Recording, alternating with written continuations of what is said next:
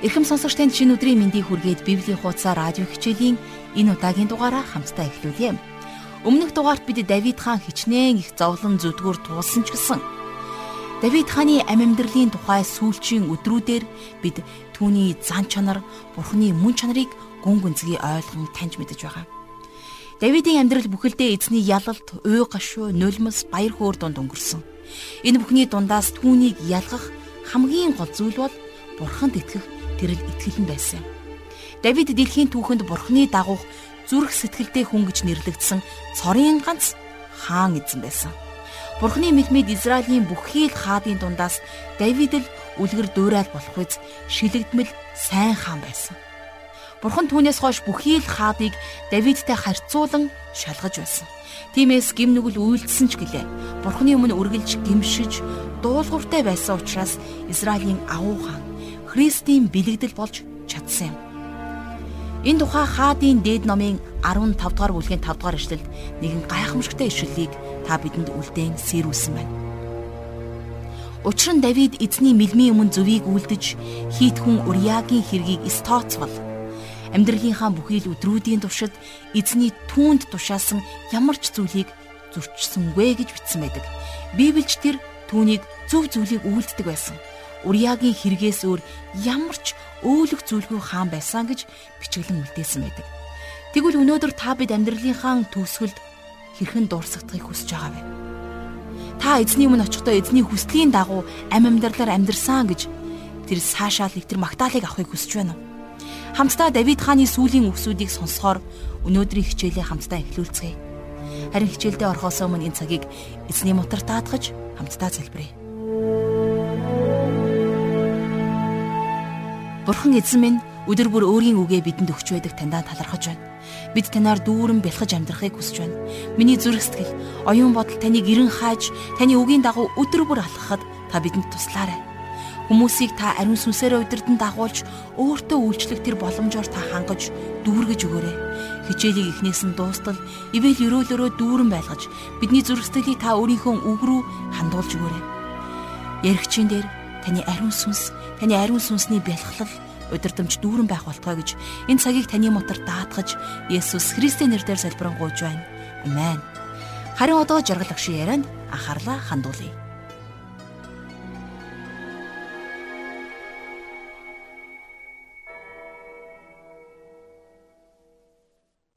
Бидний хамтдаа судалж байгаа Самуэль номнуудаас та их ивэл өрөөлийг авч байгаа хаа гэж би найдаж байна. Ингээд өнөөдөр бид 2 дугаар Самуэль номын төгсгөлийн 2 бүлгийг үзэх гэж байна. Тэгэхээр Давидын эцсийн үг за тэрэнд итгэж мөр зэрэгцэн тулалдаж явсан хүчит ирсийнхэн тухай. За бас Израиль ба Юдаг тоолсон тухай энэ хоёр бүлгээс бид ерөнхийд нь мэдэж авах болно. За ингээд хамтдаа 2 дугаар Самуэль номын 23 дугаар бүлгийн 1 дугаар ишлэлийг уншийе. Эдгээр нь Давидын сүүлчийн үгс юм өндөрт өргөмжлөгдсөн Яаковын бурхнаар тослогдсон Израилийн яруу дуулалыг бичигч Есийн хөвгүүн Давид тунхаглаж байна гэсэн байна. Давид Есийн хүү байсан. За Есийн Бэтлехемийн энгийн малчин ард байсан. Давид эннээс хизээч ичиж байгаагүй. Харин бурхан Давидыг өндөрт өргөмжилсөн.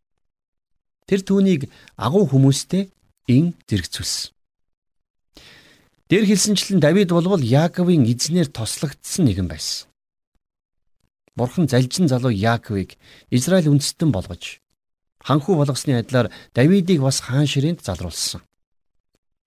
За тэгээд цаашлах юм бол тэр бас та биднийг аварсан эзэн мөн гэдгийг бид санах хэрэгтэй. Бурхан бол хайр инэрлэр дүүрэн сайн эзэн. Бидний эзэн үнэхээр гайхамшигтай. Давид хаанд бусдаас онцгой нэгэн чанар байсан. Юу гэвэл тэрээр Израилийн яруу дуулалч байсан. Тэр хөгжимчин байсан учраас хөгжим бичиж, тоглож, за бас хөгжим сонсох дуртай байсан. Үнэхээр сайхан хөгжмийн бүтээл үргэлж хүний сэтгэлийг хөдөлгөж догдлуулдгаас гадна бүтээгч эзэнтэй биднийг холбож байдаг. Давид ийм аргаар бурхантай үргэлж хамт байсан юм. Түүний үгс бурхныг магтанд болж бурхныг гэрчилж байсан нь дараагийн ишлэлүүдээс тодорхой харагдаж байдаг. Хамтдаа 2 дугаар ишлэлийг харъя. Эзний сүнс надаар дамжуулан айлдав. Түүний үг миний хилэн дээр байгаа гэж. Тэгэхээр Бурхны сүнс Давид дээр бууж ирдэг байсан учраас тэр онгод орж дуу бичдэг байсан. Тэгэхээр хуучин грек хүмүүс ариун сүнсний хүчээр битсэн гэж хожим шин гэрээн дээр Есүсийн дагалдагч Петр бас хэлсэн байдаг.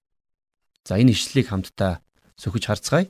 2 дугаар Петр номын 1-р бүлгийн 20-с 21-р ишлэлдэр Судрын нэгч иш үзүүлэг. Иш үзүүлэгчийн өөрийнх нь тайлбараар ирээгүйг юуны төрөнд мэдэгтэн. Учир нь нэгч иш үзүүлэг хизээж хүний хүслээр гарсангүй. Харин ариун сүнсээр хөдөлгөгдсөн хүмүүс бурхнаас айлджээ гэж. Петр тодорхой тайлбарлан бичсэн байдаг. Тэгвэл Давид ч гэсэн бас сүүлчийнхээ үгэнд ингэж дуулсан байна. За 23 дугаар бүлгийн 3 дугаар ишлэлд анхаарлаа хандуулцгаая. Израилийн бурхан зарлиг болов. Израилийн хад надад хэлв. Бурханаас айн имэж зөв шударгаар хүмүүсийг захирддаг нэгнэн гэсэн байна. За харамсалтай нь өнөөдөр бидний амьдарч байгаа энэ нийгмийн улс төрд гаргаж байгаа олон шийдвэрүүдийг эзнээс имэж гаргаагүй нь ил тодорхой байгаа. Манлайлагч удирдагч нар ард түмнийхээ төлөө бурхнаас имэж биш харин зөвхөн өөрсдийн эрх ашигын төлөө шийдвэрүүд гаргасаар гарын үсгээ зурсаар байна. Тэд нар хүмүүсээс тэдний саналаас айж гаргасан шийдвэрүүдийг л баталж байна. Тэгэхээр бид нар энэ нийгэмд бурханд таалагдахыг бараг хичээхэ болсон гэсэн үг. Хүмүүс бид нар ихэвчлэн хин нэг улс төрчийн амлалтанд итгэж тэрнийг сонсдог. А гэвч өнөөхөн засгийн эрхэнд гарсныхаа дараагаар амлснаа биелүүлэх нь ховор болчдөг. Тэгэхээр өнөөдөр бидэнд үнэхээр бурхнаас имээдэг удирдагчд хэрэгтэй. Тийм хүмүүс эрх мэдэлд гарч ирэхээс нааш энэхүү ялзрал хүн суртлууд байсаар л байх болно. Бурханд итгэмжтэй Давид хааны сүүлчийн үгс нь гүн нарийн утгыг яруу уран дүрслэлээр бидэнд инхүү хэлсэн байна. За үргэлжлүүлэн хамтдаа уншицгаая. Дөрөвдүгээр ишлэл. Наран мандах өглөөний гэрэл үүлгүй цэлмэг өглөө. Борооны дараах нарнаар газар дургах ургамал ногоо мэд ажгуу гэж. Энэ бол Давидын яахын аргагүй гайхамшигтай яруу найрагч байсныг илтгэсэн гайхалтай үгс. За хэрвээ та санаж байгаа бол 2 дугаар Самуэль номын 7 дугаар бүлэг дээр Библийн хамгийн гайхалтай бүлгүүдийн нэг гардгаа гэж би өмнө ярьж байсан. Бурхан энэ бүлэг дээр Давидтай гэрээ байгуулсан тухай гардаг. Тэгэхээр Давидын гэрээ нь ирээдүйд Христийн хаанчлалын тухай гэрээ байсан.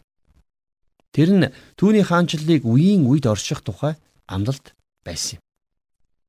За бас бид нар Бурхан Давидын удмаас аврагч эзнийг төрүүлнэ гэж амласан тухай хамтдаа сонссон. За энэ бол анх Эдений цэцэрлэгт Евад өгч байсан Бурханы амлалт юм. Тэрнийг Авраам, Исаак, бас Яаковд бурхан амлаж байсан.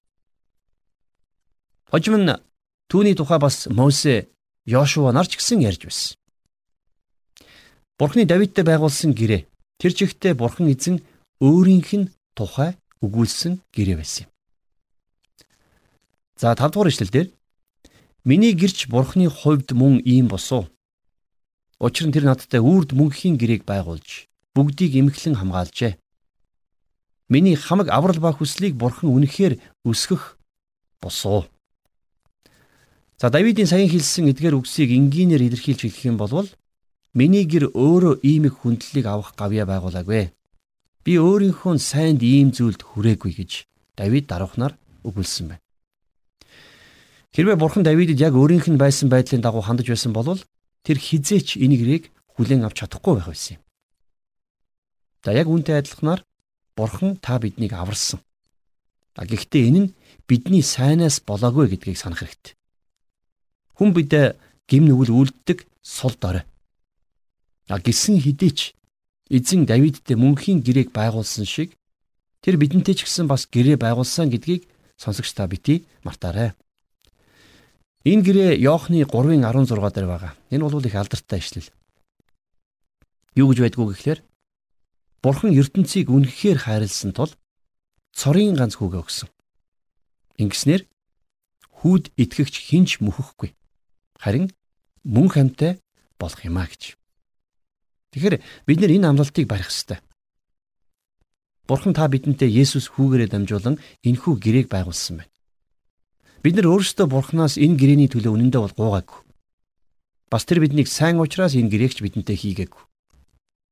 Тэр биднийг түүнээс гуйх болов уу гэж хүлээж суугаагүй. Харин тэр энийг 2000 жилийн тэртээ хийсэн. Бурхан хэлэхдээ энийг би чамд өгье. Чи энийг авч болно эсвэл хайж болно гэсэн. Харин миний хувьд бол би энийг хүлээн авахар шийдсэн. Тэгээд би энэ амлалт дотор аюулгүй болсон. Тэгэхээр Давид өөрийнхөө гэрээний талаар бүх юм нь эмхлэгдэн хамгаалагдсан гэж дээр хэлсэн байсан. За тэгвэл яг л энэ шиг та бурханд бүрэн итгэж найдаж болно. Төрөний 22 дугаар бүлэг дээр Давид энэ бол миний аврал гэж хэлсэн шиг. Бурхны та бидэнтэй байгуулсан гэрээ бол та бидний аврал юм. Энэ аврал итгэгч хүн бүрийн чин хүсэл эрмэлзэл байх ёстой. За тэгээд энэ үйл явдлын дараагаар 2 дугаар Самуэль номын 23 дугаар бүлгийн 8 дугаар ишлэлээс Давидын хүчрхэг ирсийн тухай бичсэнийг хамтдаа харцгаая. Эдгээр нь Давидын хүчит ирсийн нэрс юм. Гурван хүчит ирийн тэргүүн Тахимон хүн Йошеб Башибет.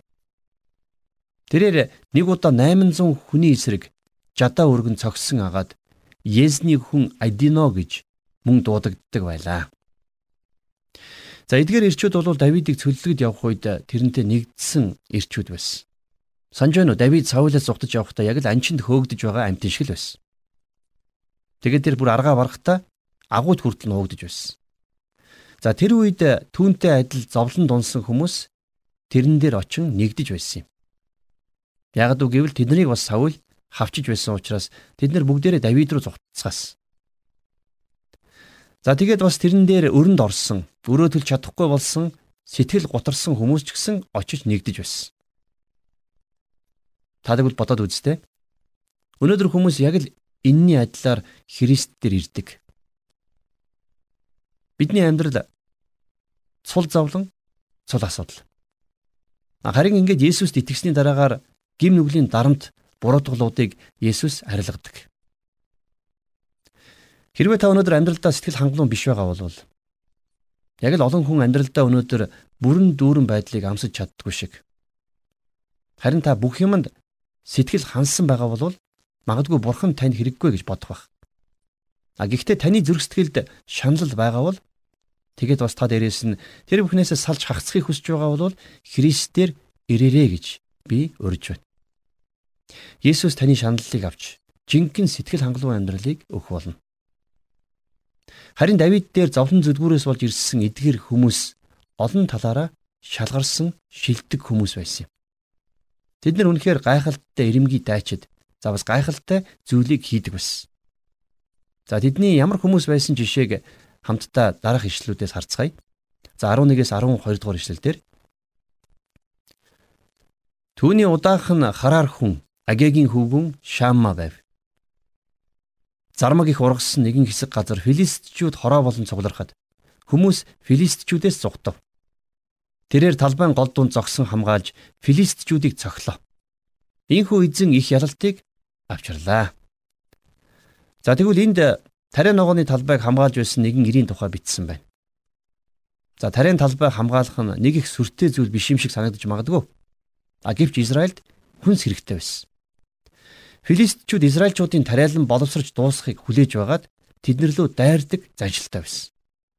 Харин энэ жил бүх хүмүүс филистичүүдээс айн зугтахад за Шама гихч энэ хүн тэнд гоцоогоод л үлдсэн байна. Тэгээд тэр сэлмээ гаргаж талбайгаа хамгаалсан байна. Бүхэл бүтэн филистичүүдийн айрмын эсрэг нэг хүн зогссон гэж та боддоо. Харин эзэн тэрэнд агуу ялалтыг өгсөн байна. За цааш нь үргэлжлүүлээд 13-аас 15 дугаар ишлэлийг харъя. Ургац хураах үеэр филистичүүдийн нэг хороо цэрэг Рафаимийн хөндөд хуааргнаж байх үед 30 хүчит ирээс 3 нь Адуламын агуйд Давид дээр ирэв. Филистичүүдийн цэргийн хуаран Битлехемд байх үе Давид бэхлэлтэндээ байлаа. Давид хин нэг нь хаалганы хажуудах Битлехемийн худгаас надад ус авчран өгдөгч болоосой гэж ихэд хүсэмжлэв. Та санаж байна уу? Давид Битлехемд өссөн учраас тентхийн худгийн зэрэгч усыг маш ихээр санагалдсан бодож байсан. Тэгэхээр Давидэд ямар мэдрэмж төрж байсныг бол та бид нар төвөггүй ойлгож чадна. Юу вэ гэхлээр бид нар төрж өссөн утгаас хол байхаар уул ус, ургамал ногоо гэж бүгдийг сандаг шүү дээ.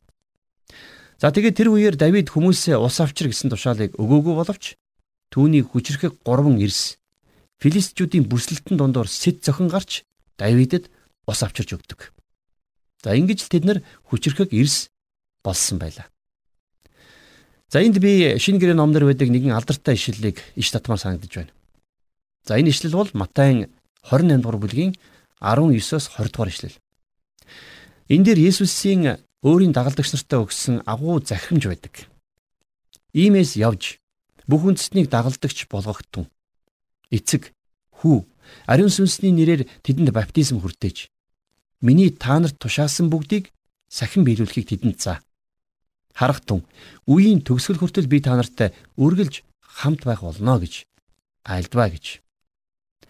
Тэгэхээр Есүс эзэн өөрийн дагалдагч нартай дэлхий даяар явж авралын сайн мэдээг тараах тушаалыг өгсөн байна. За яг л энэхүү тушаалын дагуу түүхний маш олон хүн олон хавчлагыг үл харгалзан амь насаа дэнчин тавин байж сайн мэдээг тарааж байсан.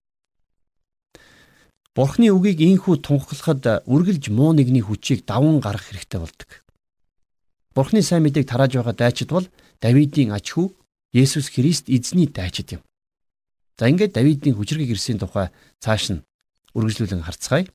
За 23 дугаар бүлгийн 20-оос 22 дугаар ишлэл.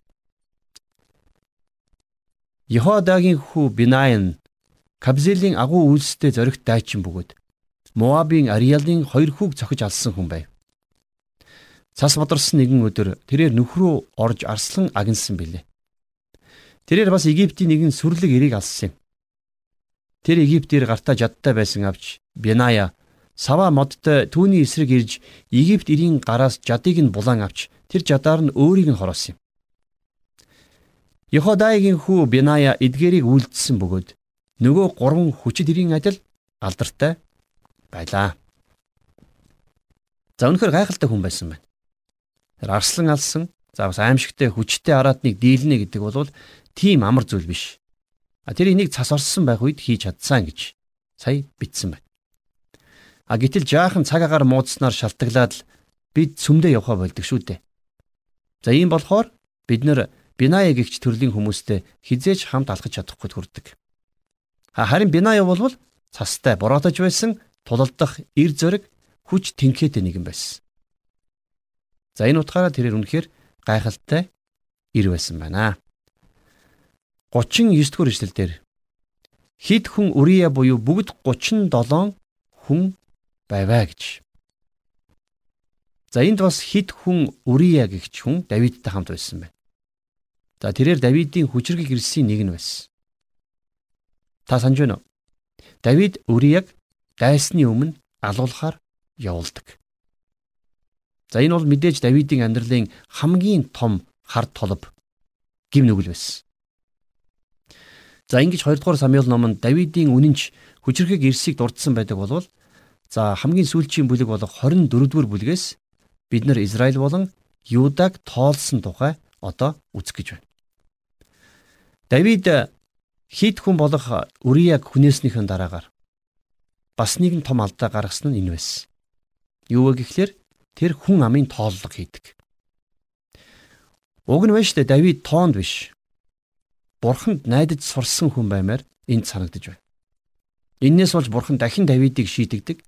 За тэрэнд шийдэглээ сонгох боломжийг нь өгдөг. Харин Давид өөрийгөө эзний өршөөл тушаасан байна. Тэгэд бурхан тахал өвчнийг явуулна. Давид Арунагийн буудад цайруулах тэрэнд эзний тахилын ширээг босгодог.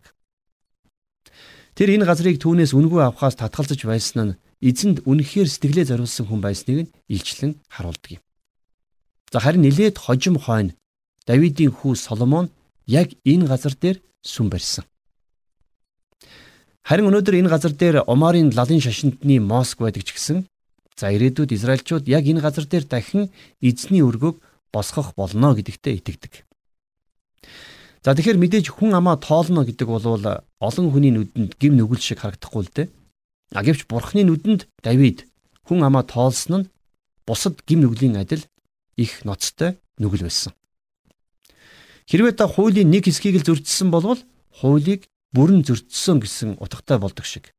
Давидын энэхүү үйлдэл бол бурханд итгэж найдахгүй байгааг нь харуулсан байдаг. За ингээд хамтдаа 2 дугаар Самуэль номынхон 24 дугаар бүлгийг нээгээд эхний хоёр ишлэлийг уншъя.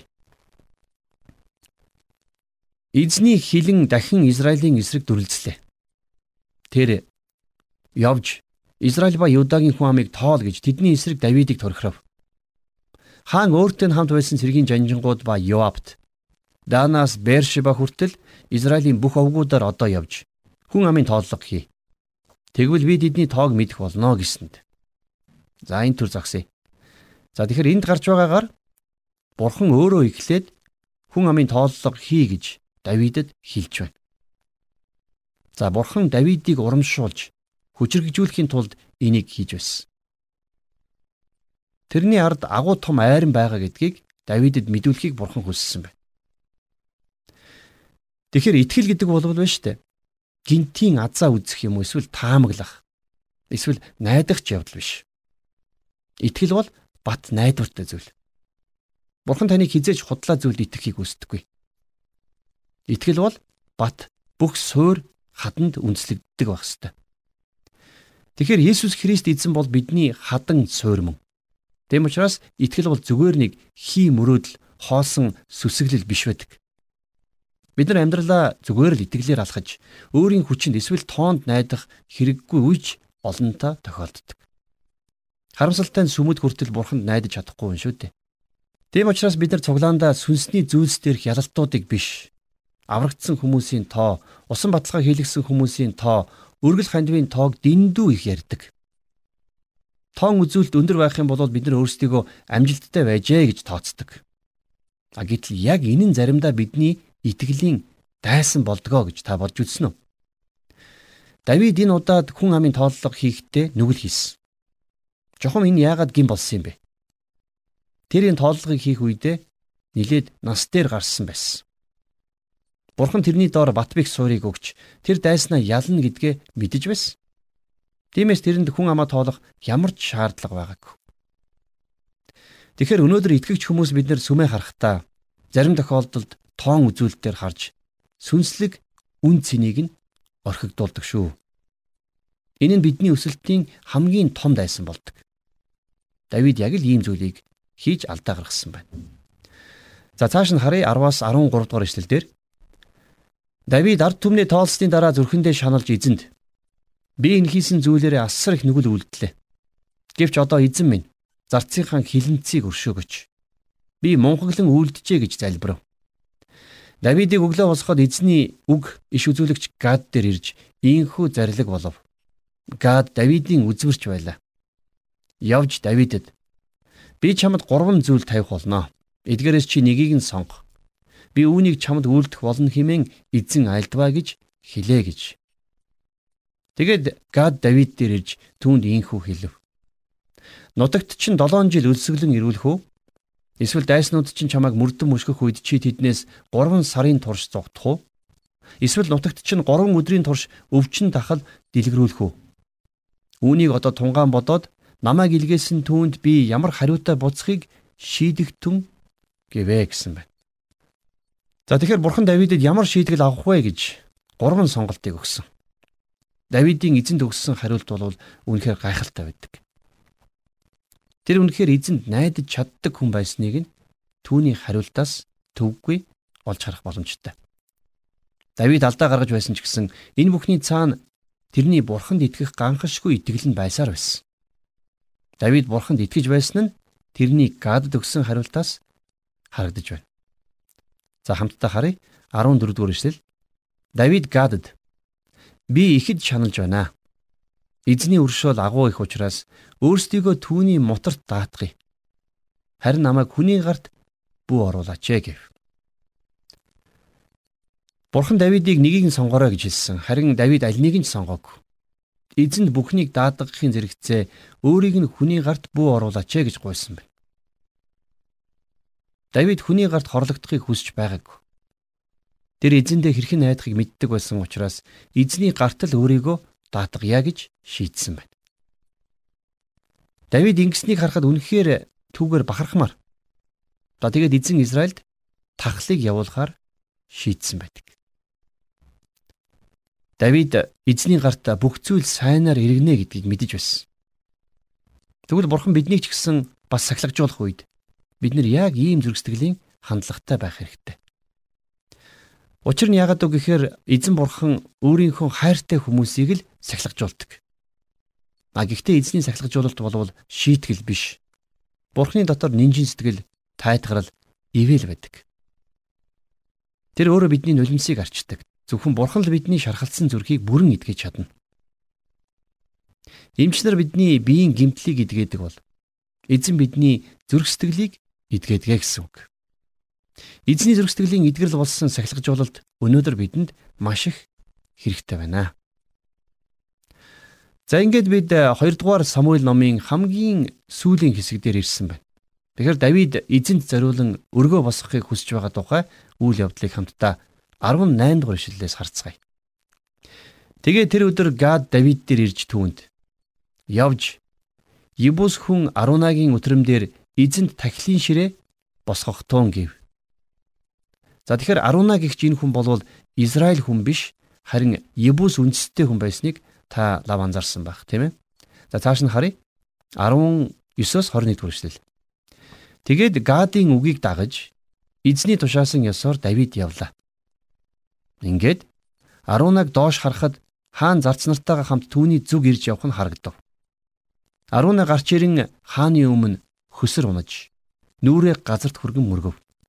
Тэгэд Аруна эзэн хаа минь та юуны учир боол над дээр ирв гэхэд Давид ард олноос тахлыг холдуулахын тулд чиний өтөрмийг худалдан авч эзэнт тахлын ширээ босгох гэсэн юмаа гэж хэлвэ.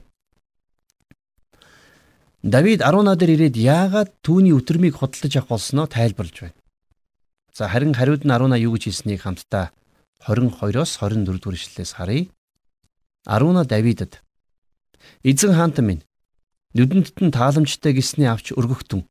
Хараач энд шатаал дахил зориулах үхэр түлэх түлээнд тариа цайруулагч тэрэг мөн үхрийн буулга байна.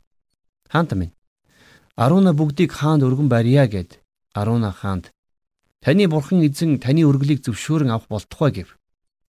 Харин хаан Арунод үгүй.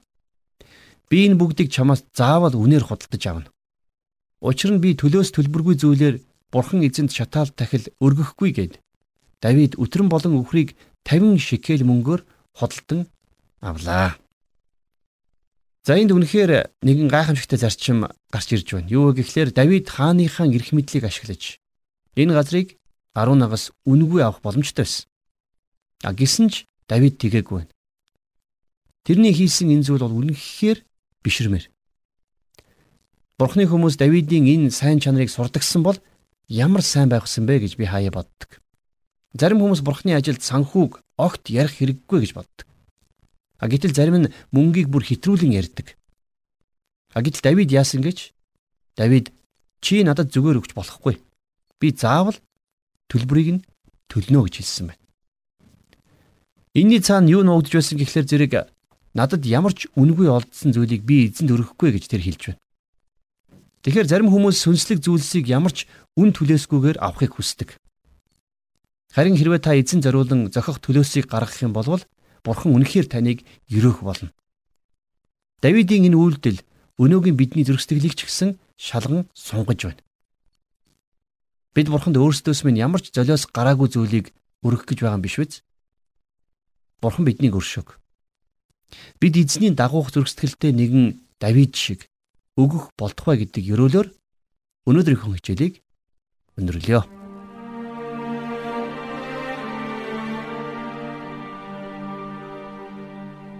Тэгэхээр өнөөдөр бид 2 дугаар Самуэль номын сүүлийн бүлгүүд болох 23, 24 дугаар бүлгийг хамтдаа үзэж судаллаа. Энэ бүлгээр эзний дагуух зүрх сэтгэлдээ хончин хүү Давид хэрхэн хүчрхэг дайчин болж мөн эзний тааллын дагуу хэрхэн Израилийн хаан эзэн болсон тухай гайхамшигтэ түүхийг бид хамтдаа дуусгалаа. Энэ бол бидний итгэлийн амьдрал дахь хамгийн чухал, хамгийн нандин сургамжит хэсэг юм. Эзнийг эрен хайх нь бүх эрдэнсээс илүү юм аа. Яг л үүн шиг бид бурханд итгэмжтэй, бурхныг хайрладаг, бурхны төлөөх гэсэн зүрх сэтгэлд суралцах ёстой. Яг л Давид шиг. Харин нэвтрүүлгийг сонсон суугаа та Есүс Христийг аврагчаа болгон хараахан хүлээн аваагүй. Түүнд итгэлээ өрөөгүй байгаа бол түүнийг цорын ганц аврагч болгон өөрийн зүрх сэтгэл, оюун бодолтой хүлээн аваач гэж хөдлөгч миний зүгээс ятгах байна. Та бид тоолж баршгүй олон гим нүгэл алдаан дунд амьдарч байна. Бас мөхс байдал дотор алийг сонгох вэ гэсэн сонголтын дунд тэнэгэлж байхдаа бид заримдаа буруугийн сонгож тэрл сонголт шийдвэрийнхаа төлөө алдаа гим зөрчил донд амьдарсаар байна. Тэгвэл яг одоо би урайлж байна. Илэгнэгт Монгол ах дүүнер минь ээ. Цорын ганц аврагч эзэн Есүс Христэд би таныг итгэлийн өргөөсэй гэж хүсэж байна. Тинхүү залбирч байна. Эзэн таны зүрх сэтгэлийг нээж өгч тэрл зүрх сэтгэл дотор ам амьдралын их булаг болсон үгээ мөн чанараа авралын тэр бэлгээ сойрхох болтугай гэж яг энэ цаг мөчөд ятхан залбирч байна.